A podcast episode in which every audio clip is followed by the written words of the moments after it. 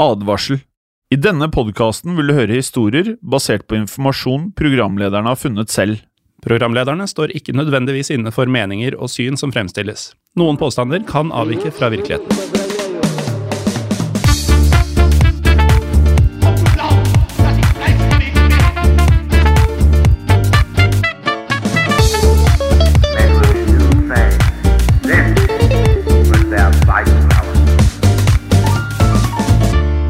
Hei og velkommen til en ny episode av Historiepodden andre verdenskrig. Mitt navn er som vanlig Morten Gallaasen. Og det betyr jo at mitt navn er Jim Fosheim. Ja, eh, som vanlig det også. Mm. Eh, men det er ikke alltid sånn i podkaster, Jim. Fordi eh, du har jo en annen podkast, Gangsterpodden, Ja. sammen med Henrik Fladseth. Ja. Og der har det jo forekommet opptil flere ganger denne våren at eh, han du har hatt podkasten sammen med, ikke har vært Henrik Fladseth. Ja, det er fordi at han, eh, han blir bare mer og mer kjent. Mm. Så han er en kjendis. Og med det å være kjendis, så blir du invitert til å gjøre mye fancy ting eh, her og der. Mm. Så han har um, gjort et eller annet fancy som uh, gjør at han da har vært borte i snart to måneder. Ja. Og hvor det er vårs to! Ja, Ja, i Gangsterpodden! nettopp. Ja, Og det er ikke feil! Nei, det er hyggelig at du sier det. Jeg koser meg skikkelig. Henrik er jo bedre enn meg på det meste i livet, så det var, eh, det var fint at jeg ikke har er havarert, eh, torpedert podkasten din Ja. fullstendig. Ja, ja nei, jeg synes det går bra. Men eh, nei, poenget mitt var egentlig at eh, nå har det ikke skjedd foreløpig noensinne i historien på den andre verdenskrig, men eh, plutselig en dag så er det en stemme som vikarierer for en annen stemme. Kanskje. Kanskje, Og kanskje ikke. Kanskje Henrik vikarierer for meg? Ja. Og så blir det full circle. Ja. Um, I dag så skal vi gjøre noe litt uvanlig i denne podkastens historie, for vi skal til Skandinavia, men ikke til Norge. Det stemmer. Nærmere bestemt så skal vi til Danmark Danmark. for å da snakke om en dansk Gestapo-informant som opererte under kodenavnet Tora. Ja, og Toras egentlige navn kan eh, vi avsløre mye fortere enn det danskene gjorde i sin tid. Det var Maren Margrethe Bartram, eller Maren Margrethe Bartram. Eh, Men blant venner og familie så var hun simpelthen kjent som eh, Grete. Ja, og For å da holde det enkelt, så kan vi jo da videre referere til henne som Grete Bartram. ehm, som også vel er det navnet hun huskes best for, vil jeg si. da. Ja da, det gjør hun. Og i løpet av andre verdenskrig så ble mm, Grete Bartram beryktet som en av Gestapos mest vellykka informanter, som opererte på innsiden av den danske motstandsbevegelsen. Ja, og som lytterne av denne podkasten er klar over, så var Gestapo da navnet på nazistenes eh, hemmelige sikkerhetspoliti. Ja, og hvordan eh, Gestapo endte opp med å rekruttere og kunne benytte seg av eh, Grete Bartram, det skal vi snart høre mer om, men eh, vi må jo starte med starten på livet til Grete Bartram. Ja, Vi skrur klokken tilbake vi, til noen år før annen verdenskrig. Ja, en del år faktisk, nærmere bestemt den 23. februar 1924, da dagens hovedperson, altså Grete Bartram, ble født i den danske byen Aarhus. Og i tilfelle det er noen lyttere som ikke har total kontroll på det danske kartet, så kan jeg føye til at Aarhus er Danmarks nest største by etter København. Århus ligger da på Jylland, som er, eh, etter hva jeg har forstått, den eh, største geografiske delen av eh, Danmark. Altså den delen som grenser da til Tyskland i sør, blir det vel. Det er korrekt, og etter hva vi forstår, så ble Grete Bartram da født inn i det som var en fattig familie, der hun vokste opp som den nest eldste av åtte søsken. Og jeg syns det går igjen i så mange eh, historier, både i denne podkasten og i vanlig historiepodden, at eh, hvis man blir født inn i fattige kår, så er man ofte et av veldig mange barn. Ja, veldig ofte. I hvert fall før i tiden så var det jo vanlig. Mm. Um, og begge foreldrene var angivelig meget eh, aktive sånn rent eh, politisk. Mm. Uh, for både moren og faren til Grete Bartram skal nemlig ha vært medlemmer av Danmarks kommunistiske parti. Ja, og skal ha vært blir et slags nøkkelord her, fordi kildene våre sier dessverre lite om Grete Bartrams mor, men vi har kommet over litt informasjon, eller litt mer informasjon når det gjelder faren, som het Nils Peter Christoffer Bartram.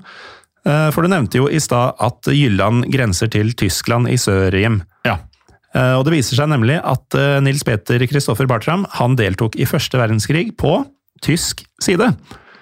Nils var nemlig fra sørdelen av Jylland, der man tradisjonelt sett hadde hatt meget tette forbindelser til nettopp Tyskland. Så tett at det faktisk fortsatt en dag i dag finnes en tysktalende minoritetsgruppe på den danske siden av grensen. Ja, og da kan det jo tenkes at Nils kanskje var en del av denne minoriteten, uten at vi kan si det helt uh, sikkert. Men det vi vet sikkert, er at Nils tjenestegjorde i den tyske hæren, og at han i løpet av første verdenskrig pådro seg granatsjokk, mm. som vi i dag da fort ville kalt PTSD. Altså, granatsjokk høres ganske mye heftigere ut, altså. Mm. Um, og av nettopp disse utfordringene så skal Nils ha slitt da med å jobbe etter krigen, noe som da igjen bidro til at Grete og søsknene vokste opp i svært trange kår, som du nevnte. Uh, men Nils uh, fikk uh, likevel stabla et sykkelverksted på beina, som etter hvert, etter hva vi kan forstå, faktisk da livnærte familien. Den gjorde det, men Gretes oppvekst var likevel på mange måter fortsatt hard, og allerede som 13-åring så forlot hun skolen hun gikk på. Og I stedet så fikk hun seg så en jobb på en anstalt for funksjonshemmede og psykisk syke, der Grete arbeida i rundt to år. Og med det så er vi da kommet til 1939, da annen verdenskrig brøt ut, som er et godt tidspunkt for å um, kjøre en runde med kontekst her, Morten. Ja, altså våre trofaste lyttere vet jo at uh, krigen starta da Nazi-Tyskland angrep Polen den 1.9.1939, som da gjorde at både Frankrike og Storbritannia erklærte krig mot uh, Tyskland. Ja.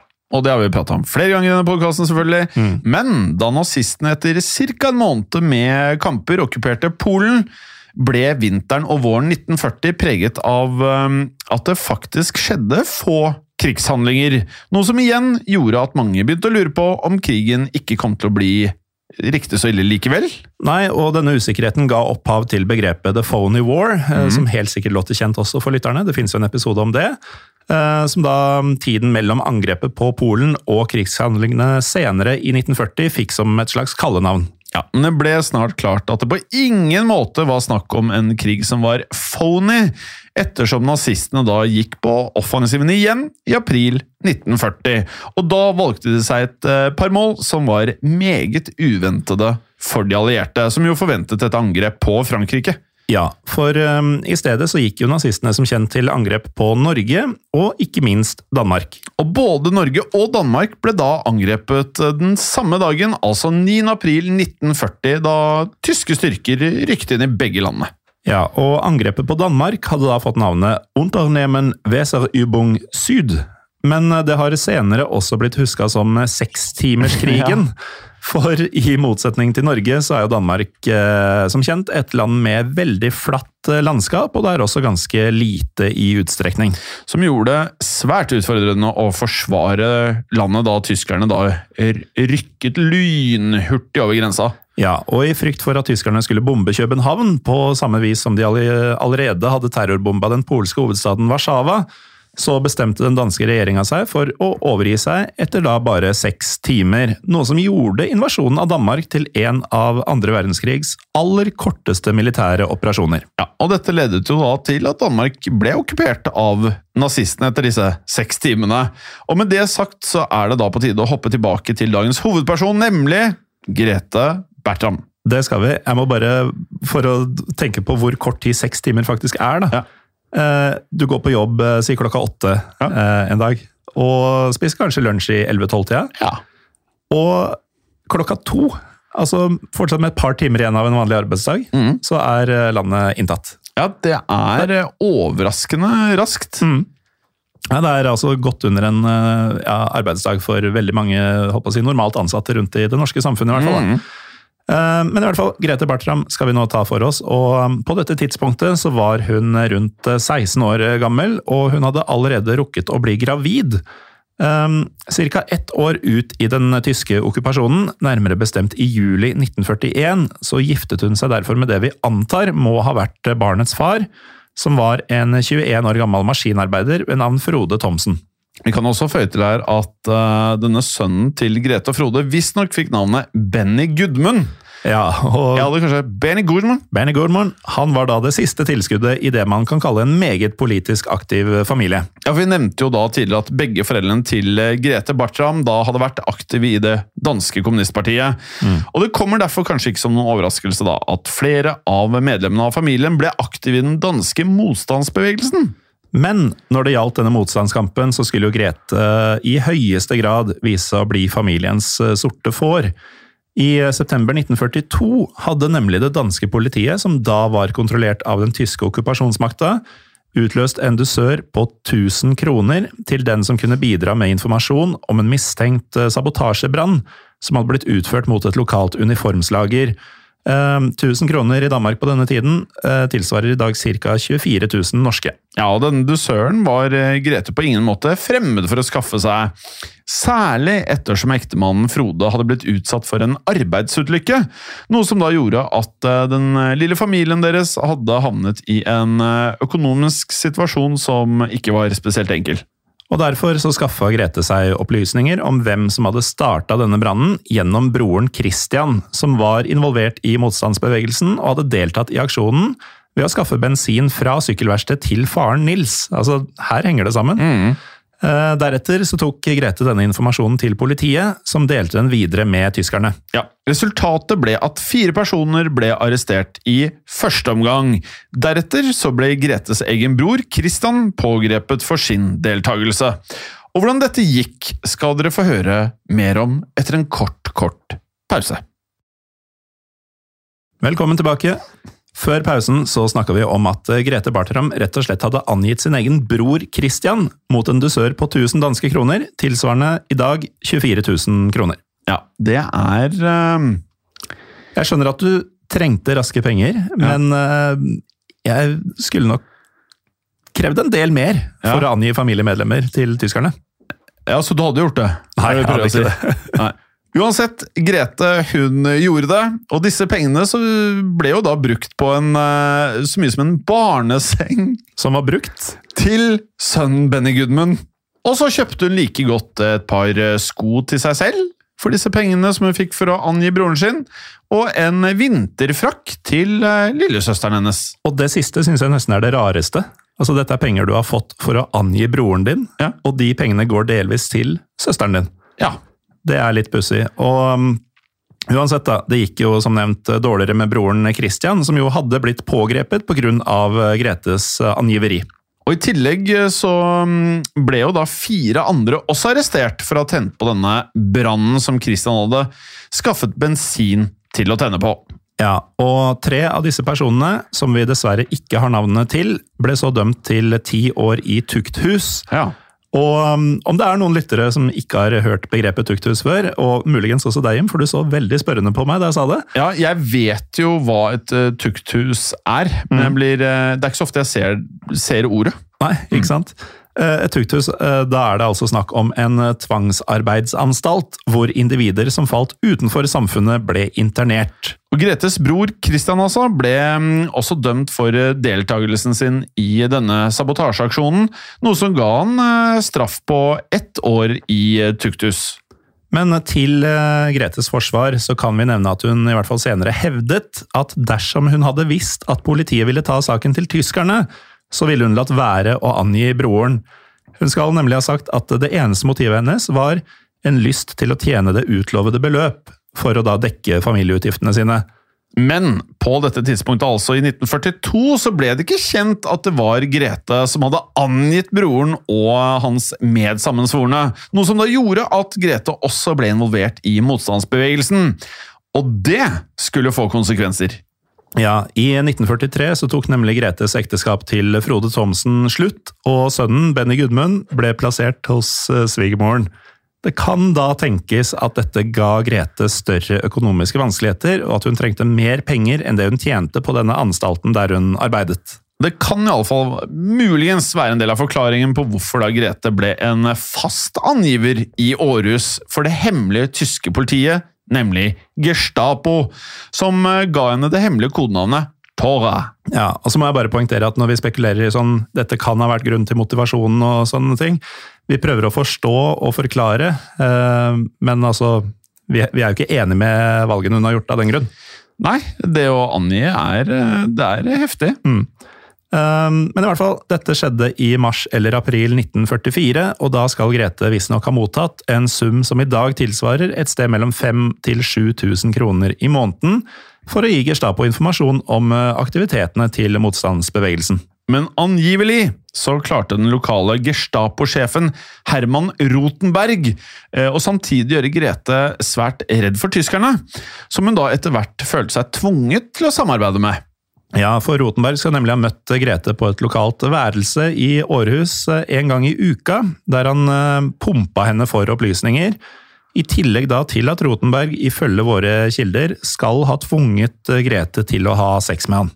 Og Som et resultat av Gretes angiveri så ble deretter hele ledelsen i den kommunistiske motstandsbevegelsen i Århus tatt av nazistene.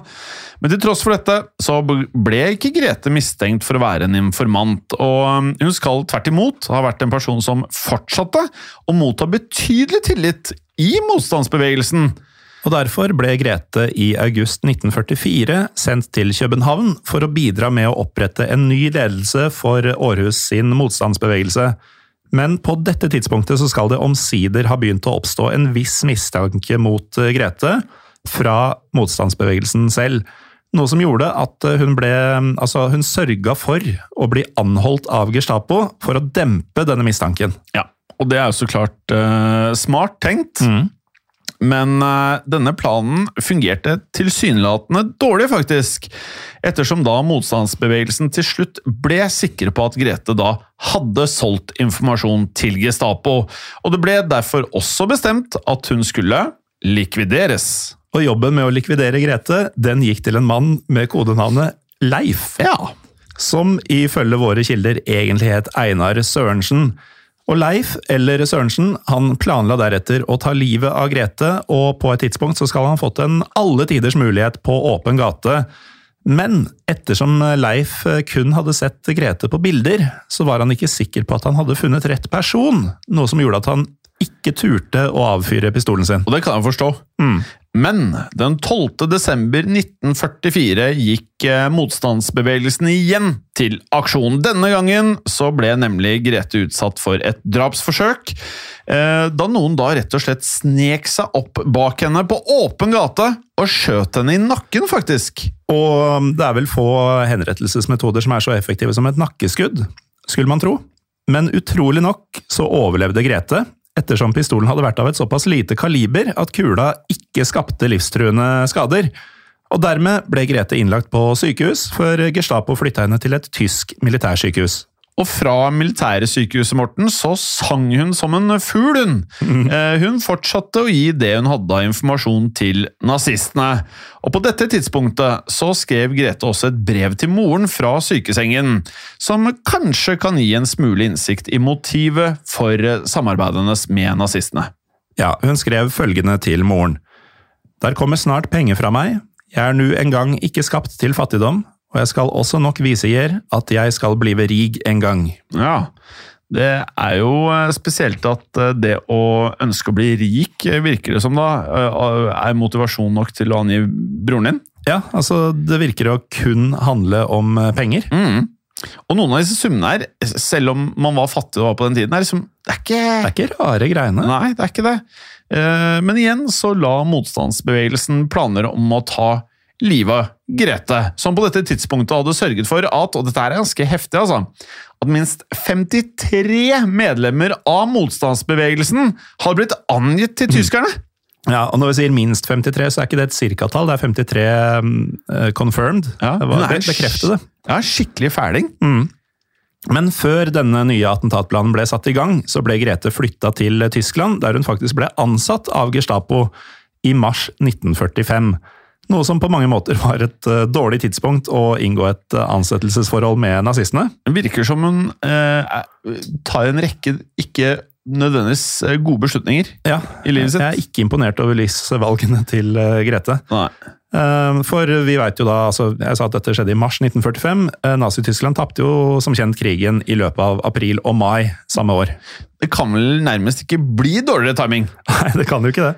Eh, og valgene til Grete opp igjennom eh, her, det er ikke veldig imponerende. Nei, eh, jeg føler at eh, Grete Bertram kunne gjort veldig mye annerledes i livet. Mye annerledes. For som sagt, altså, hun ble ansatt av Gestapo i mars 1945, og Nazi-Tyskland tapte jo som kjent krigen samme vår, i april og mai samme år. Vi kan jo legge til at eh, Grete på dette tidspunktet hadde blitt sendt tilbake til Danmark for å jobbe for nazistene der. Og hun befant seg nå i eh, Gestapos hovedkvarter i byen Esbjerg. Esbjerg. Ja, men dette hovedkvarteret det skulle da bli eh, sprengt det, i en sabotasjeaksjon nærmere bestemt 5. mai 1945, og her ble Grete såret. Og bare tre dager seinere, den 8. mai 1945, så overga som kjent Nazi-Tyskland seg. Men Grete hun kom seg raskt til hektene og forsøkte deretter å forkle seg som en Røde Kors-sykepleier, for å på den måten ta seg ut av landet. Hun er slu. Ja, endelig, holdt jeg på å si. Ja, Men eh, heldigvis, da, om man kan si det sånn, så ble ikke dette noe suksess, ettersom Grete 10. mai ble pågrepet av den lokale motstandsbevegelsen i byen Breining.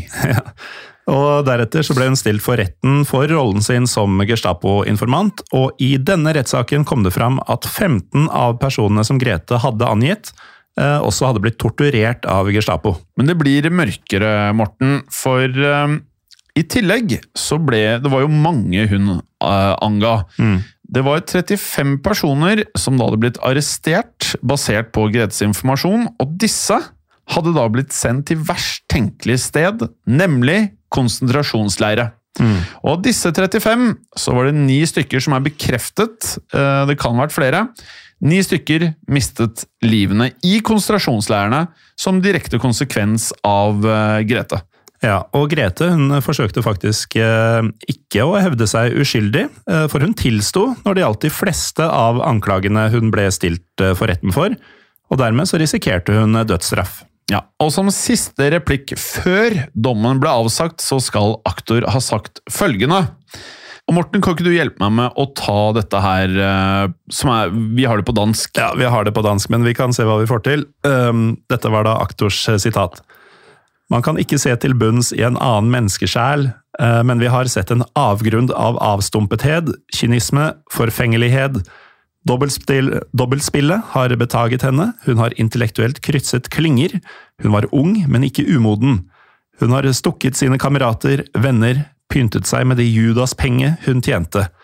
På anklagemyndigheten og samfunnets vegne påstår jeg lovens strengeste straff, dødsstraffen brakt i anvendelse. Ja, det, det her var ikke noe nådig dom, altså. Nei, eh, det var heller ingen nådig tekst å prøve å lese på norsk, ja. eh, på dansk, men jeg tror det kom fram hva han sa. Mm.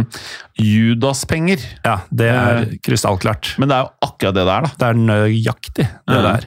Nei, det er, det, det er liksom det, Historien her er jo trist, men Mm. den er også vond, mørk, og det er ikke så lett å sympatisere på noe plan. No, altså hadde, hadde det ennå vært sånn at dette gjorde at hun berget familien, eller Mm. det var et eller annet sånn mellom liv og død for hennes egen del, eller noen hun var glad i, men hun gjorde dette for penger. Ja, og på bekostning av folk hun var glad i til tider.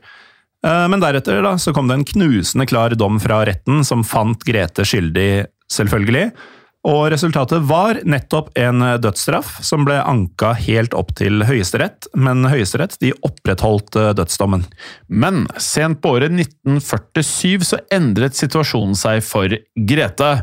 Den 9. desember samme år så ble nemlig straffen endret.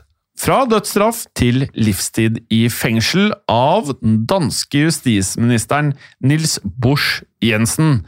Og Grunnlaget for benådningen var da at Grete hadde vært ung på tidspunktet da hun jobbet for Gestapo, i tillegg til at hun hadde hatt økonomiske problemer og også hadde blitt oppdratt i det man kalte en antireligiøs, kommunistisk og materialistisk ånd.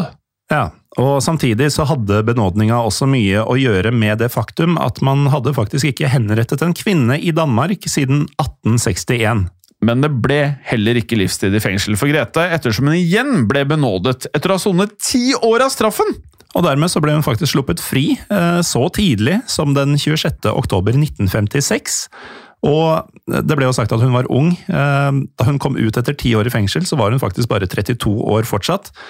Deretter så flytta Grete til Sverige, hvor hun bosatte seg i landsbyen Vessigebro, sammen med en svensk venninne som vi dessverre da ikke har navnet på.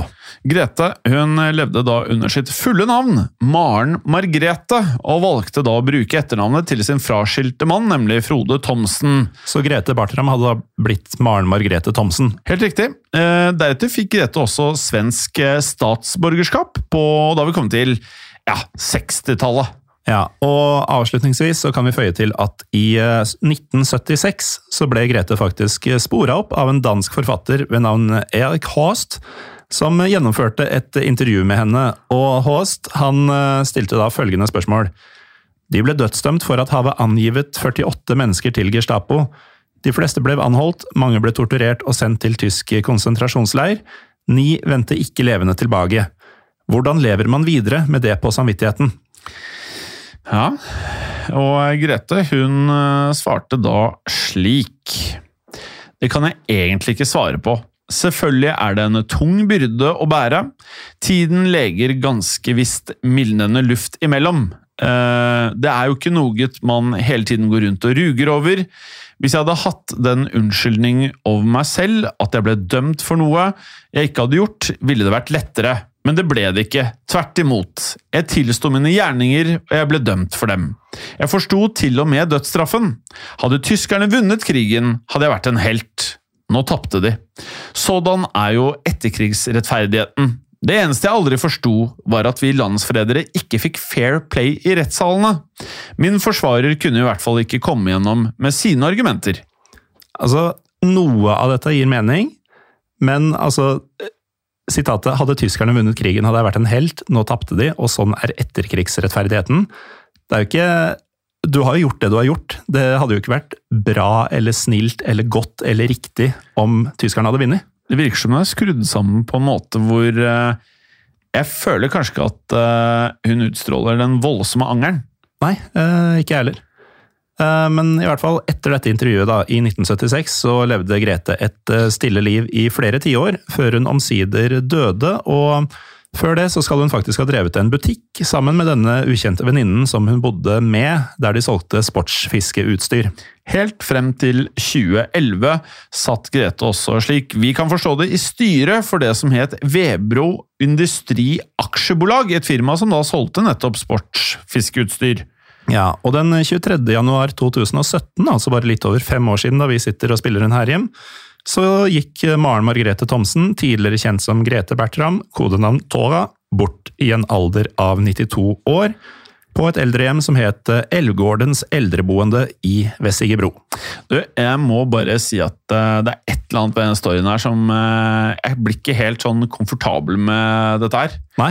Eh, det, det, jeg skjønner ikke helt Altså, Vi har snakka om veldig mange dårlige mennesker rett og slett, i tidligere episoder. Altså, Det er så gjennomført usympatisk, det Mhm. hun har holdt på med fra ung alder, og også forklaringa Ja, hennes. Ja. Jeg likte ikke måten hun svarte på det greiene her. altså. Altså, Det var i 1976. Det er 30 år har gått siden eh, krigen. Du har Og hatt så har du god tid for deg selv. Å, ja. Da har du hatt tid til å tenke over det du har gjort, og Mm. du svarer det. Det er, det er, eh, det er stygt. Ja. Og så har du samtidig med i forklaringa 'vi landsforrædere'. Altså, hun innrømmer det jo selv Mm. Ja, ja. at hun for- forræda landet sitt. Ja. Og så er det det groveste er jo det Hadde nazistene vunnet, så hadde det vært Mm. en helt. At hun liksom Det er nesten som man kan begynne å lure på om hun ikke bare spekulerte i å tjene penger, hun skulle bli rig, mm. men øh, det, det er jo noe i henne som øh, Det virker som hun ønsket å bli kjent eller få en heltestatus. Mm. eh, ja. Det er veldig mye som skurrer med, Ja. med personen Grete Bartram. Ja. Nei, dette her, det, det, Den var mørk. Jeg, jeg visste at det ikke var bra, men det var liksom mer ubehagelig enn jeg trodde. Ja. Ja, det var ikke bra. Ehm, Uansett, en eh, sterk eh, episode og eh, viktig. Det er veldig viktig å få frem at mm. nettopp disse tingene forekom, og må ikke glemme. Nei, og Grete Bartram var jo langt fra alene om å holde på med disse tingene. Mm. Og så er det jo faktisk steder i verden i dag hvor angiveri er en del av samfunnet. Mm. Der er skumle saker. Så dessverre så har det jo skjedd. Ja, det har det. Eh, En annen ting som har skjedd eh, for ganske lenge siden, er at vi oppretta Historiepodden Norge på Instagram og Facebook, samt eh, Facebook-gruppa vår, Historie for alle. Der har det også skjedd opptil flere ganger at lytterne har kommet med innspill til hva de syns om episoder som har kommet, hva de syns skal komme framover, og ikke minst disse avstemningene, Jim. Ja. Folk har begynt å få til dem. Ja, og folk har fått det til så til de grader at vi nå får masse sånne eh, varianter, da, hvor eh, alternativene egentlig ikke har noe med historie å gjøre, eller noe sånt. Det er bare 'jeg fikk det til, jeg fikk det ikke til'. Så ta gjerne og så fyll det opp med alternativer til episoder, til eh, hva det enn måtte være. Filmer som du anser som bra, bøker folk burde lese, etc., etc. Etc. Og da kan vi si at eh, det har skjedd, Og det kan skje igjen. og det er det som er skummelt. Mm. Ha det bra. Historiepodden ønsker å takke følgende. Dere som hjelper oss som sitter i produksjonen. Dere som hjelper oss som sitter i redaksjonen, inkludert eh, tekstforfattere. Det er Helt riktig. Og dere som sitter på marked, som faktisk da gir oss muligheten til å drive med Historiepodden. Og selvfølgelig alle dere som hører på. Tusen takk. Moderne media. Kiwi er billigst i VGs matbørs og har vært billigst i fire av de fem siste VGs matbørser. Og nå presser vi prisene på frukt og grønnsaker. På 200 gram broccolini setter vi prisen til 24,90. På 400 gram Cevita blåbær setter vi prisen til 49,90. Og husk, alle Kiwi Pluss-kunder får i tillegg 15% trumfbonus på all fersk frukt og grønt. For det er vi som er prispresserne. Og vi i Kiwi gir oss aldri på pris.